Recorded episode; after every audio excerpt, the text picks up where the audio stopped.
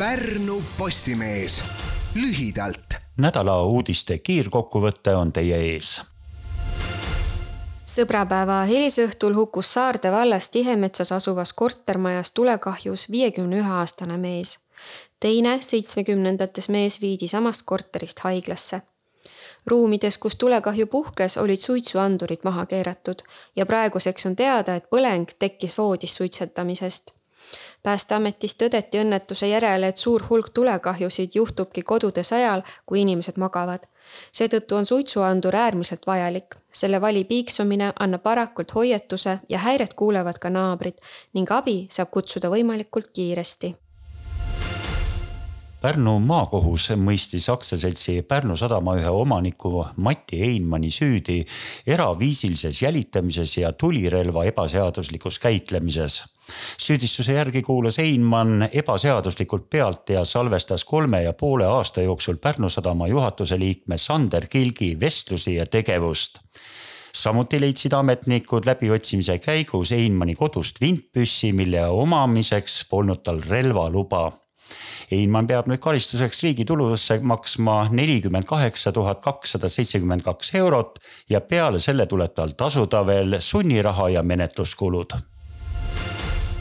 Pärnu linnas jõe kaldal omaaegse vasinatehase kinnistul on Nordecon alustanud Seileri elamukvartali ehitust. järgmise aasta kevadeks saab valmis kaks hoonet ja enamik nende majade korteritest on juba müüdud. kokku peaks moodsaid maju kerkima kümme. hoonete esimesele korrusele tulevad äripinnad.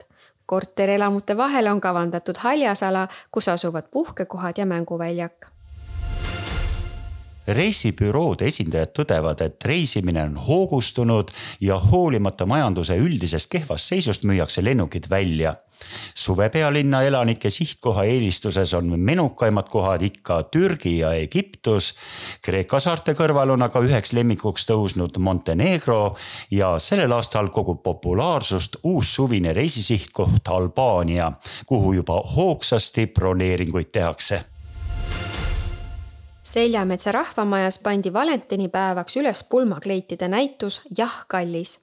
Läinud aasta lõpus kutsuti Paikuse osavalla elanikke üles oma kappidest välja otsima pulmarõivaid. paari esimese päevaga oli juba seitse olemas. kokku saadi kakskümmend üks pulmakleiti ja kaks ülikonda, mõni kingapaar ja ehted, samuti pulmapäevaga seotud esemeid kõige vanem pulmakleit on tuhande üheksasaja kuuekümne esimesest aastast ja kõige uuem eelmise aasta lõpust. pulmarõivaid saab Seljametsa rahvamajas imetleda aprilli lõpuni ja lõpetuseks teade, et kuni kahekümne neljanda veebruarini saab esitada kandidaate Pärnumaa ettevõtluse parimate juhtide ehk juhtimise meistriklassi konkursile valimist korraldab Pärnumaa Ettevõtete Koda ja selle kodulehe kaudu toimub ka nomineerimine.